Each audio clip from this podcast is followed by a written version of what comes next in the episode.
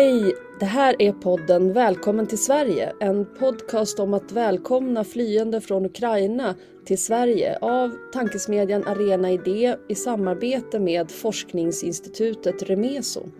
Jag som pratar nu heter Lisa Pelling och jag är chef för Arena Idé. Sverige står ju nu inför ett stort flyktingmottagande, den här gången från krigets Ukraina. Nu fattas de avgörande besluten om hur de flyende ska välkomnas till Sverige. I en serie samtal samlar vi erfarenheter och kunskap om flyktingmottagande och integration från aktörer i alla delar av samhället, från akademin till aktivister.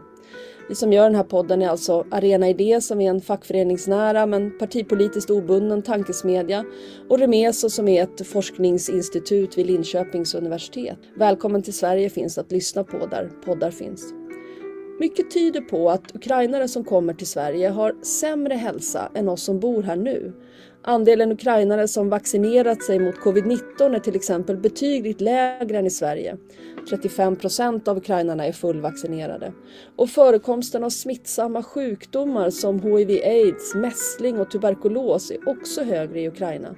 En del bär dessutom på skador och trauman från kriget. Vad ställer det här för krav på den svenska hälso och sjukvården? Och vad har de som nu kommer till Sverige från Ukraina för rätt till att få vård? Och med oss för att prata om det har vi Sabina Gusic som är psykolog med doktorsexamen vid Lunds universitet. Sabina jobbar med traumapsykologi för barn och ungdomar och du har fått pris för din avhandling som handlar just om barn och ungdomars upplevelser av flykt och migration. Och vi har även med oss Anne Sjögren som är distriktssköterska, numera pensionerad men eh, i högsta grad fortfarande aktiv. Du är sammankallande i Rätt till vård-initiativet och medgrundare till Rosengrenska i Göteborg. Tidigare varit anställd av Röda Korset i Göteborg för att ge vård till papperslösa. Vi skulle också haft med oss Jonas Ludvigsson som är professor vid institutionen för medicinsk epidemiologi och biostatistik vid Karolinska institutet och dessutom överläkare vid barnkliniken vid Örebro universitetssjukhus. Jonas har tillsammans med den ukrainska barnläkaren Andriy Loboda gjort en sammanställning av den vetenskapliga litteraturen om ukrainska barns hälsa och kommit fram till att den generellt sett är sämre om man jämför med svenska barn. Jag tänkte att jag skulle börja prata lite om det som en slags bakgrund till det samtal vi kan ha sen om den konkreta vården. Och då ska jag upprepa något av det som eh, Jonas och Andrei lyfter fram i sin översiktsstudie. Vi länkar till den här i beskrivningen av det här avsnittet. De faktorerna är, precis som jag nämnde tidigare, bland annat låg vaccinationsgrad, vilket gör att man kan förvänta sig att fler kommer att komma ovaccinerade mot eh, covid-19. Men det gäller också att förekomsten av mässling och andra barnsjukdomar kan vara mer förekommande Dessutom finns det stora problem i Ukraina med hiv-aids, antibiotikaresistens och även multiresistent tuberkulos. Och dessutom då psykologiska trauman från kriget som ju i Ukraina har pågått sedan 2014 med eh, annekteringen som det har kallats av Krim och eh, även i eh, östra delarna av Ukraina. Studien tar bland annat upp att man räknar med att 400 000 ukrainska barn lider av psykologiska trauman till följd av kriget och den mätningen gjordes innan eh, Rysslands eh, fullskaliga så att säga, invasion av Ukraina den 24 februari. Jag börjar med att vända mig till dig eh, Sabina som ju alltså är psykolog. Du har doktorerat vid Lunds universitet som jag nämnde med en avhandling som handlar just om barn och ungdomars upplevelse av flykt och migration. Är svensk sjukvård redo att ta emot en stor mängd barn och vuxna för den delen som bär på krigstrauman? Ja, jag skulle säga generellt ja. Min upplevelse är att eh, svensk sjukvård har en lång erfarenhet av att möta eh, traumatiserade barn och vuxna på flykt. Det är självklart så att eh, eh svensk sjukvård också har behov av mer resurser och mer, eh, eh, mer kunskap. Men vi får inte glömma att Sverige har en lång historia av att ta emot flyktingar och eh, flyktingar från liknande situationer, det vill säga där krig har hållit på länge och där barn och unga har farit illa länge. Så att min, min upplevelse är att det finns en stor, både en stor vilja och stor kunskap generellt att, att ta emot och hjälpa och det finns en, en bra förståelse för vad krig och flykt gör med barn och unga. Jag kan bara ta från, från min egen erfarenhet av att de senaste 15 åren föreläst och utbildad väldigt, väldigt många personer inom svensk hälso och sjukvård. Och, eh, så, så, generellt skulle jag säga ändå ja, även om det finns såklart behov av att alltid utöka, att få rätt resurser, att fördela resurser rätt och så vidare. Håller du med om den bilden, Anne, att vi är relativt väl förberedda för att eh, ta emot eh, barn, ungdomar, även vuxna som bär på trauman från krig och från, från flykt? Eh, både ja och nej. Jag blir glad när jag hör Sabinas eh, Eh, uttalande där om att hon tror på att den svenska vården kan ta hand om det. Och det kan hända att jag är lite färgad av att jag fungerade som någon slags eh, papperslösas och asylsökandes eh, eget lilla IVO när man an anmälde till oss när det gick fel. Så att det under, under de åren, de åtta åren jag jobbade på Röda Korset och de 20 åren som jag varit med Rosengrenska så har vi ju mest sett det där det har gått fel. Så det är lite grann min bakgrund. Och lika väl så ser jag att ehm, jag ser nu en del eh, larmrop ifrån olika hjälporganisationer, olika civilorganisationer ute i samhället eh, de frivilligorganisationer som finns och eh, Stadsmissionen, Räddningsmissionen, Rosengrenska, Läkare i världen, Röda Korset och så, som säger att en uppseglande problem nu bland de här grupperna, det är just psyk. Och vad som är, vad som är i detta då, det är ju att så länge det är en väldigt akut fråga eller så länge det, frågan är väldigt tydlig och avgränsad och så att här kommer det en traumatiserad person, då går det ofta att få hjälp. Men i längden att få det som är utöver vård som inte kan anstå, eller att få sånt som vård som inte kan anstå, vad är det? Att tolka det begreppet. Och det är någonting som kommer att vara centralt i, i den här stunden överhuvudtaget. Att den här gruppen har hamnat in under nivån vård som inte kan anstå. Inte samma vård som vi svenskar Ska vi stanna till lite grann vid det begreppet? För det här är ju en central fråga också för det här avsnittet. Frågan är när vi nu välkomnar flyktingar från Ukraina, hur välkomnar vi dem? Vilken rätt till vård har man när man kommer till Sverige inom ramen för massflyktsdirektivet? Man har ju tidigare avsnitt eh, tagit upp det faktum att man betraktas som en slags asylsökande. Det innebär att man har rätt eh, att få hjälp med sitt boende av Migrationsverket. Man kan alltså få bo på ett anläggningsboende. Men det innebär också att eh, om man väljer att bo någon annanstans så har man inte rätt till vanlig hjälp från sin hemkommun utan man är hänvisad till Migrationsverkets dagsersättning och den har inte höjts då sedan 1994, är på 71 kronor om dagen för en ensamstående. Hur ser det ut när det gäller rätt till vård för den här gruppen som kommer inom ramen för massflyktsdirektivet? Är det samma som för asylsökande, det vill säga att eh, det handlar om enbart så kallad vård som inte kan anstå? Vill du ge ett försök att svara på det Sabina? Eh, ja, det, det som jag tänker att man får komma ihåg här det är att det kan se olika ut i de olika regionerna eftersom de kan bestämma själva.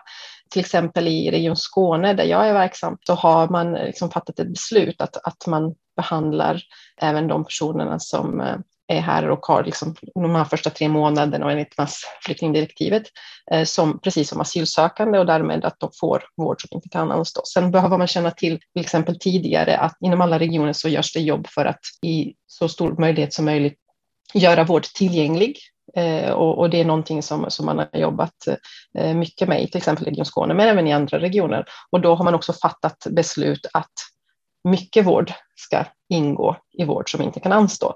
Så att eh, det, det finns en möjlighet att eh, få till exempel eh, relativt fullvärdig vuxenpsykiatrisk vård. Barn får till exempel allt, samma vård som andra, alltså som svenska barn.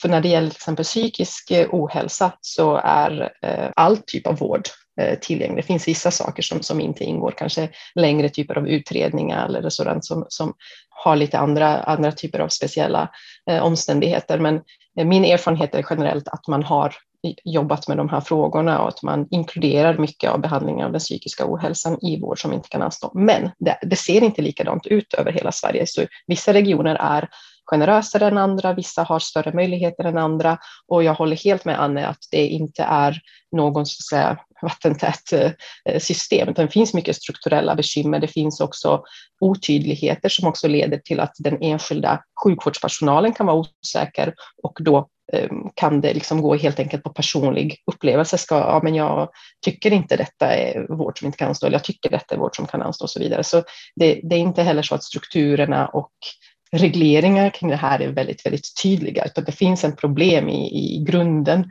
kring den här lagen också om, om vård för, för asylsökande som, som gör det svårt. Men generellt eh, så, så i, i alla fall de regioner som jag har verkat i och framförallt då Region Skåne så har man gett ganska omfattande vård till asylsökande och då man har till exempel i Skåne tagit det beslutet att räknas, att de som är nyanlända från Ukraina också räknas som asylsökande. Och när jag har googlat lite snabbt över de största regionerna så ungefär lite så som man verkar tänka. Mm.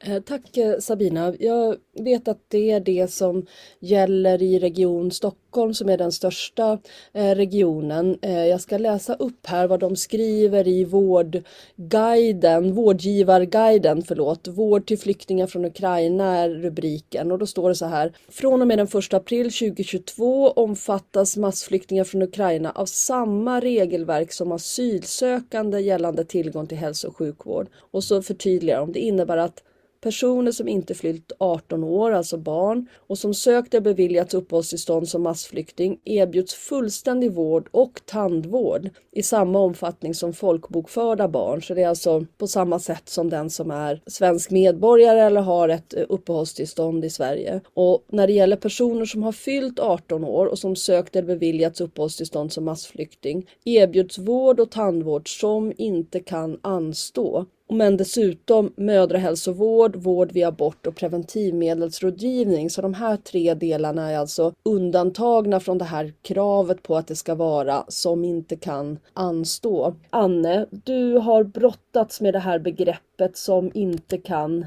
anstå. Kan du berätta vilka problem som kan uppkomma när man ska tolka det som vårdgivare eller för den delen som Sabina nämner som enskild läkare, sjuksköterska som är den som möter den vårdsökande?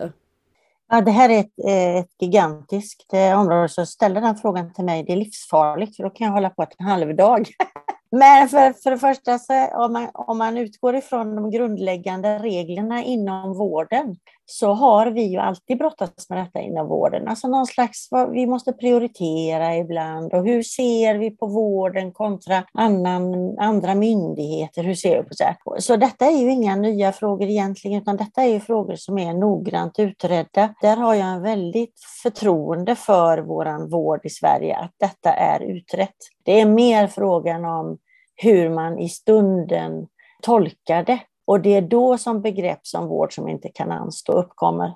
Jag vill bara nämna liksom de ställen man kan gå tillbaka till, och till exempel Socialstyrelsen har utrett det här med vård som inte kan anstå. Och det finns en stor statlig offentlig utredning, 2011-48, som utredde bland annat det här begreppet med vård som inte kan anstå. Statens medicinsk-etiska råd har 2020 kolon 6 en rapport om det här med att ge vård till folk utan personnummer. Och det finns flera ställen så som är väldigt tunga och väldigt bra. Vi har prioriteringslagen, vi har allt möjligt. Men i stunden när den enskilda läkaren, sjuksköterskan som du säger Lisa, står inför en människa som kommer med ett problem, det är då som, när man diskriminerar lagmässigt så som man har gjort nu, att man säger att medborgare har den här rättigheten och vissa andra grupper har en annan. Det är då som det kommer problem. Och det är då som man kan, kommer in i godtycke, som du säger Lisa, att man, man kan beröras mer eller mindre av olika och så. Och man kan eh,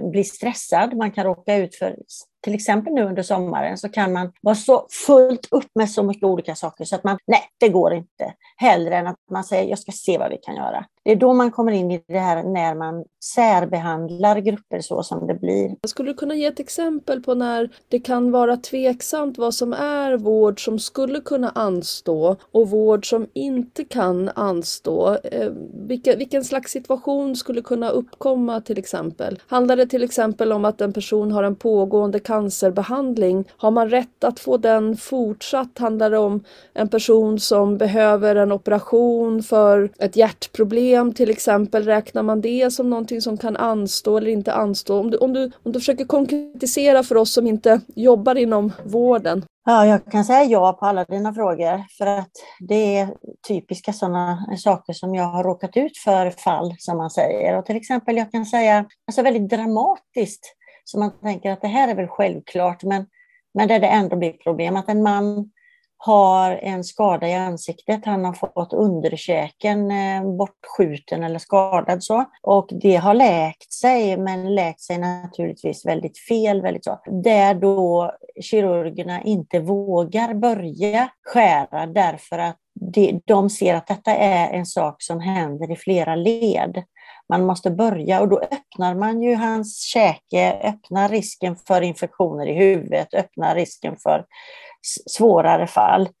Eh, och samtidigt så har han ett avvisningsbeslut över sig då, att han, ska, han får inte stanna, han, eller ett asylärende. Eh, Eh, och då vågar inte kirurgerna börja, för då skulle man göra mer skada än nytta, liksom, till exempel. Så det är ett av de här mer komplicerade fallen som man diskuterar. Men sen är det också eh, psyk, det är tandvård, det är eh, smärttillstånd, det är utredningar av psyk, det, det, är allt möjligt, smått och stort, där man då liksom inte tydliga fall, där man kommer med 40 graders feber, där man kommer med en, och ska föda, där man kommer med stora akuta skador, då brukar det inte vara några större problem. Då kan det fortfarande bli problem med att skicka faktura. För vad, vad man också måste komma ihåg det är det att vården kan ges alltid liksom. En, en, ett sjukhus kan, eller en, en sjukvårdsinstans kan alltid bestämma att det här gör vi. Och så kommer det till nästa led, hur ska det bekostas? Så det är just den här subventionerade vården som är kruxet ibland. Kommer det in under den plånboken för de papperslösa? In under plånboken för asylsökande? Eller kommer det att skickas en räkning till dem själva? Sabina, vill du fylla på där kring vård som inte kan anstå, det här begreppet som ju Eh, har varit centralt för alla människor som har sökt asyl och befunnit sig i det här stadiet av att vara asylsökande och även papperslös och som nu då gäller alla som har fått skydd i Sverige enligt massflyktsdirektivet. Eh, absolut, och jag tänker Annie med och eh, förklarar mycket redan av det. Men jag tänker om vi, om vi tittar på eh, en av de sakerna som Anne nämnde, till exempel det som Socialstyrelsen säger, så säger ju Socialstyrelsen att vård som inte kan anstå i, är till exempel vård som kan motverka ett mer allvarligt sjukdomstillstånd. Det är vård för att undvika mer omfattande vård och behandling. Det är vård för att minska användningen av mer resurskrävande akuta behandlingsåtgärder. Det är vård som är följdinsatser av vård som redan har getts. Eh, och det är vård för personer med särskilda behov, till exempel de som utsatts för tortyr, allvarliga begrepp, övergrepp, trauma och så där. Så det är ju väldigt, väldigt mycket vård. Och eh, ett vanligt missförstånd kanske då i, i den stressade sjukvårdsvardagen kan ju vara att tro att det är akutvård. För det låter lite så där, det får en tänka på det är bara akutvård. Men det är det inte, utan det är jag menar, vård för att undvika mer omfattande vård. Det är oftast eh, därför kanske vi ger vård, eller vård för att motverka ett mer allvarligt sjukdomstillstånd. Så där ser man ju att det är mycket, och får man inte vård så blir det oftast värre. Så att det finns, eh, det, det, det är ett ganska eh, stort, det är ganska mycket vård som kan ges och bör ges och det finns utrymme för att ge det. Men återigen, det, det, det problemet är precis det som Anne beskriver, det är när den liksom enskilda personen är stressad eller frustrerad eller liksom där, där personalen inte riktigt har eh, fått möjlighet att i sin organisation förstå vad detta innebär och förstå omfattningen av det liksom på olika sätt. Och när det gäller exempel den psykiatriska vården så, så är det lite liknande, om man, liksom det Anne beskriver. Eh, min erfarenhet är att man Eh, om man väl förstår hur den här eh, beskrivs av Socialstyrelsen så förstår man att man ger även till vuxna en stor del av den psykiatriska vården. Det som man kanske inte har gjort är till exempel eh, långvariga neuropsykiatriska utredningar som som sker över lång tid. För det kan också då, då, i vissa avseenden kan man då tänka att det är vård som kan anstå eftersom man är osäker kring personen, om personen kommer att vara där, om det liksom finns möjlighet till uppföljning och så vidare.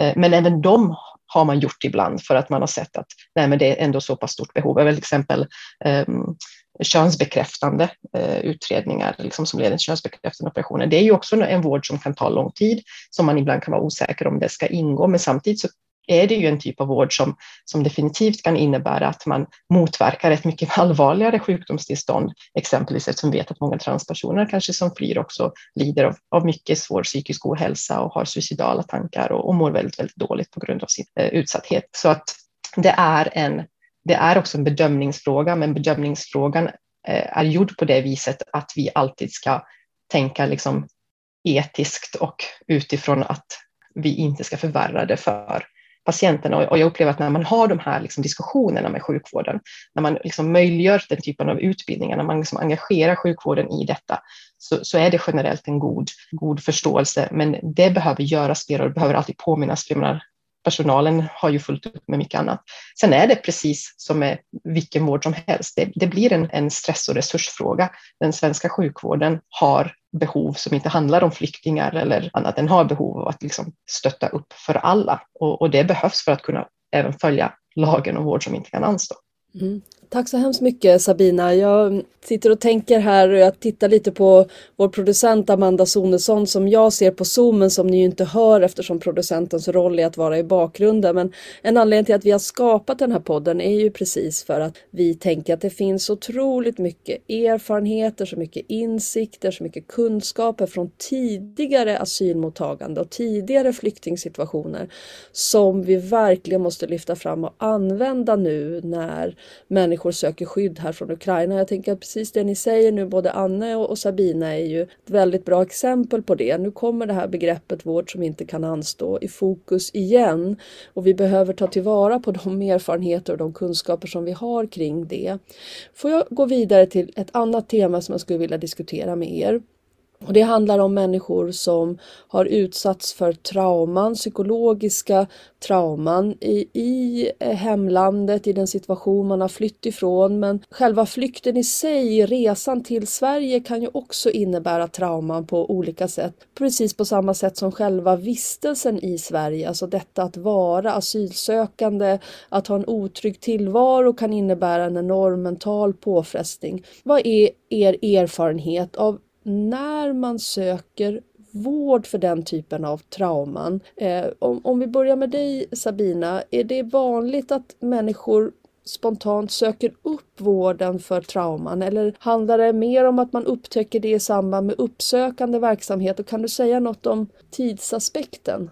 Det är lite beroende på vad det finns för tillgängligt helt enkelt. När, när det gäller generellt att vara traumatiserad och att, att, att plågas och lida av de saker man har utsatts för så är det inte helt ovanligt att man försöker att undvika att tänka på de här sakerna, att man försöker att liksom klara sig så gott man kan ändå. Så det, det, är, det är inte generellt det första traumatiserade människor gör, att de går till vården och säger jag vill prata om detta, utan det ingår så att säga i till exempel den posttraumatiska stresssyndromet, att man undviker detta. Eh, men det innebär också att man, att man kan gå och lida väldigt, väldigt länge. Och det, jag skulle säga det vanligaste sättet som man kanske kommer till vården, det är ju att någon annan hjälper en eh, förstå vad det här handlar om och liksom tipsar en om var man kan söka hjälp. Det kan för, för barn och ungdomar kan det vara till exempel via skolan. Eh, för vuxna kan det vara via SFI eller via Arbetsförmedlingen eller via vårdcentralen för att man har sökt hjälp för något annat. Det är inte ovanligt att, att eh, människor som är traumatiserade eh, kan ha eh, olika typer av eh, kroppsbesvär, liksom ont i ryggen, huvudvärk och i magen och att man kanske söker för det först och främst för att sedan liksom, eh, förstå att, att det handlar om, om de sakerna man har varit med om. Ehm, så eh, nej, jag skulle inte säga att det vanligaste är att man söker själv. Det är klart det förekommer och det skulle säkert förekomma ännu mer om det fanns liksom, möjligheter att söka hjälp. Jag vet att personer till exempel har en väldigt god erfarenhet av Röda Korset eh, och om man liksom förknippar Röda Korset med en möjlighet att få hjälp för de här sakerna. Och dit kan ju människor vända sig själva och, och så, sådär. Men, men det, är, och det är klart det förekommer inom sjukvården också, men det, det, är inte det vanligaste, utan oftast behöver man kanske hjälp och stöd från andra för att våga ta det där steget. Är det här ett, ett, ett barfotavård, eh, Anne, som du också skulle ge att vara uppmärksam på eh, människors eh, fysiska symptom som ett tecken på att man kanske också mår dåligt eh, mentalt? Ja, absolut. Och det här är ju en jätte, jättestor fråga för att eh, kropp och själ hänger ju väldigt mycket ihop förstås. Det gäller ju oss alla människor på denna planet och det, det är oerhört individuellt hur man tar saker. Så att människor, en del som har varit med om eh, objektivt eller utifrån sett väldigt, väldigt stora saker kan ibland fungera bättre än vad folk som inte har varit med om så mycket. Så att det är alltid utifrån. Men vad som jag tycker är, är generellt för alla människor som flyr hit, kommer hit så, det är ju att de har förlorat allt. Och omfattningen av det tänker jag att det är ju när vi räddar, ja den har varit med om våldtäkter och den har varit med om tortyr och den har varit med om att se sina barn dö och den har varit med om det och så. Då är det ju så, men det här basic då, att den värld man levde i, eh, den, den bostad man hade byggt upp, det nätverk av människor man hade, den yrkesroll, den identitet, den musik, den mat, den, allting, dofter, ljud och allting som man hade runt sig, det är borta.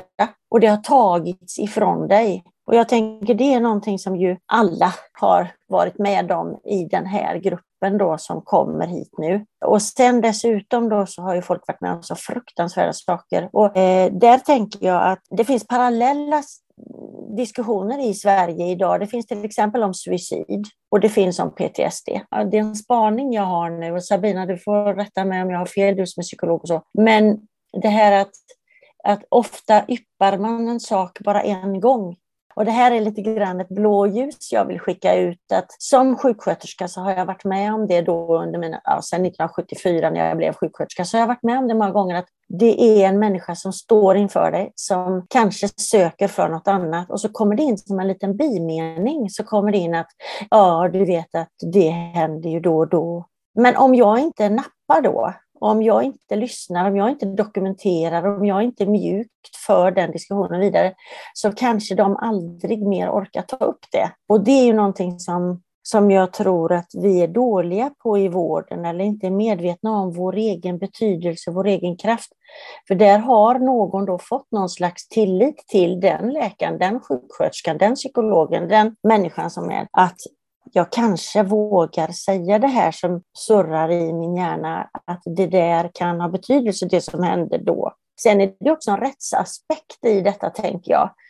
För det här som vi pratar om, det, ibland blir det ju efterspel av rätt rättegångar, tortyrutredningar, eh, rätten att få stanna ibland som flykting, rätten att få skydd, rätten att få ersättning, rätten att få uppkrä- vad heter det? upprättelse i en fråga. Och om det då finns en anteckning från en läkare, sjuksköterska där, det där, det där, så bygger det ju ihop ett fall, ett case liksom, på att detta är troligt att den här personen har varit utsatt för det.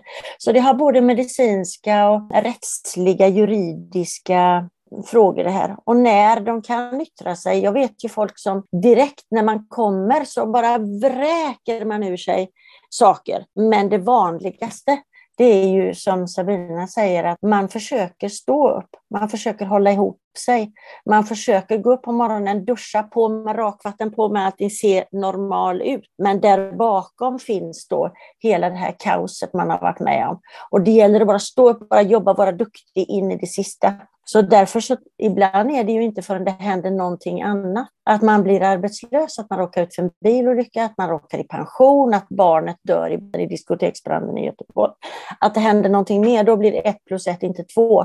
Då blir ett plus ett 2000 om man bara brakar ihop. Och det kan hända att efter fem år, att då har man kommit till ro med så mycket annat, man har en trygg bakgrund och då börjar mardrömmarna komma. Alltså det ser så väldigt olika ut. Då börjar mardrömmarna komma, då börjar man skrika i sömnen, då börjar man bli okoncentrerad.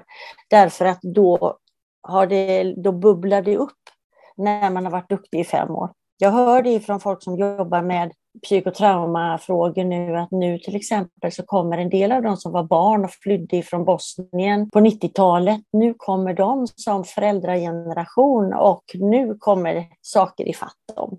Så det finns inget enkelt svar enligt jag har ehm, faktiskt stött på det i eh, eh, produktionen av den här podden att människor vi har tillfrågat om medverkan själva har erfarenhet av flykt och har berättat för oss att det är så traumatiserande att se det här kriget utvecklas. Enligt samma manus var det en person som flytt från Sarajevo som sa som det jag upplevde i Sarajevo på 1990-talet. Eh, Eh, det finns ju många exempel på det. En, en sista fråga jag vill eh, ställa och det jag ville eh, åt lite grann med det här, jag frågade om tidsaspekten, det är att jag har fått lära mig att många söker vård för mental ohälsa, för psykologiska trauman först när man har fått fast mark under fötterna, först när man vet att man kommer att få stanna i Sverige. Och då är det ju så med de som kommer från Ukraina inom ramen för massflyktsdirektivet att de har ett års uppehållstillstånd och sen finns det en möjlighet att inom massflyktsdirektivet förlänga i ett år till och sen i ett år till. Men, men själva direktivet innehåller den här liksom maxgränsen på tre år och det är ju så att eh, om man efter de här tre åren fortfarande behöver skydd, ja då finns ju eh, så att säga möjligheten att söka asyl, den finns ju alltid. Men det finns ju ingen garanti för att människor som har kommit hit som massflyktingar från Ukraina kan få stanna av skäl som att till exempel barnen trivs bra i skolan eller att eh, man just ska börja gymnasiet och gärna vill plugga klart eller som att man har fått ett bra jobb i Sverige utan det gäller ju just att man flyr från den här akuta krigssituationen. Så om det det fred i Ukraina om ett år, då är ju tanken att människor ska återvända. Och en viktig erfarenhet har jag förstått från, från tidigare flyktingsituationer är ju att alla nästan, men som kommer också har den här inställningen. Vi är bara här för några månader, kanske ett år. Vi ska så snabbt som möjligt tillbaka till hemlandet. Vi ska vara med och bygga upp och sen när situationen eh, så att säga har lugnat ner sig så inser man att det är väldigt smärtsamt att migrera även från det nya hemlandet eh, och smärtsamt att återvända och det som man trodde att man skulle återvända till kanske inte heller finns kvar. Precis som du säger Anne, rent fysiskt så finns huset, skolan, arbetsplatsen inte längre kvar. Vill, vill ni säga någonting om, om hur det här påverkar, alltså det faktum att eh, de ukrainska flyktingarna ju har tillfälliga uppehållstillstånd? Alltså det, det här med tillfälliga uppehållstillstånd är ju ett eh, väldigt problematiskt utifrån ett psykologiskt perspektiv. Eh, människor är ju inte tillfälliga varelser och lever liksom inte tillfälliga liv. Och tar vi dessutom barnperspektivet så är liksom ett, två, tre år i ett barns liv det är nästan oändligt långt, eh, särskilt från ett litet barns perspektiv. Så när man, när man bestämmer om tillfälliga uppehållstillstånd så är det ju inte liksom den mänskliga behovet av trygghet som man har i främsta rum, utan det är ju staters liksom, syn på, på sina gränser och sina, sina behov. Och, och detta med tillfälliga uppehållstillstånd är ju någonting som inte enbart gäller ukrainska flyktingar, utan det är ju någonting som gäller de flesta flyktingar som kommit sedan 2015. Eh, och det, det, det, har jag jobbat mycket med och sett hur mycket lidande det också medför. Människor söker hjälp när saker och ting har lugnat sig och, och liksom det kan ta tid innan man, man söker hjälp och liksom kriser i livet kan väcka gamla trauman och sådär. Men människor kan också vara så traumatiserade och må så fruktansvärt dåligt i att, att de eh, söker hjälp, eh, alltså akut psykiatrisk hjälp till exempel, och så förstår man att det här handlar om trauman och så inleder man en behandling eftersom personen behöver det, eftersom personen lider och lever i ett liksom helvete dygnet runt av fruktansvärda minnen och fruktansvärda upplevelser. Och då att eh, försöka må bättre, att försöka bygga upp sitt liv, att försöka hitta liksom de här sakerna i livet i världen som är värda att leva för, som, som är de sakerna man vill orientera sig mot, mot att vara skola, sina barn, eh, ett intresse, vad som helst, liksom det, det som håller oss. Att göra det samtidigt som man inte vet hur länge man får vara någonstans. Eh, och om man inte får vara där, var ska man vara då? För krig förgör, det finns liksom inga krig som, som, som slutar fint och sen är allt eh, guld och gröna skogar i landet och allting är återuppbyggt. Liksom ett, ett, varje krig är ett enormt misslyckande för mänskligheten och samhället och, och det, det tar så oerhört lång tid att bygga upp ett land igen och, och det är i få fall som det blir bra när man flyttar tillbaka till ett efterkrigsland. Eh, och människor som har rotat sig och som har liksom gjort det här uppbrottet en gång, det, det är ett oerhört pris att kräva av dem att de ska orka göra det en gång till om det inte är det bästa för dem. Så det, det, det, här skapar stora, liksom, det skapar psykologiska men och, och, det, är inte, det finns liksom flertal psykologiska forskningsartiklar som visar att tillfällig uppehållstillstånd, det är inte det bästa för den psykiska hälsan. Så, så det, det, det är inte den typen av lagar och den typen av förhållningssätt, de, de finns ju till för något annat.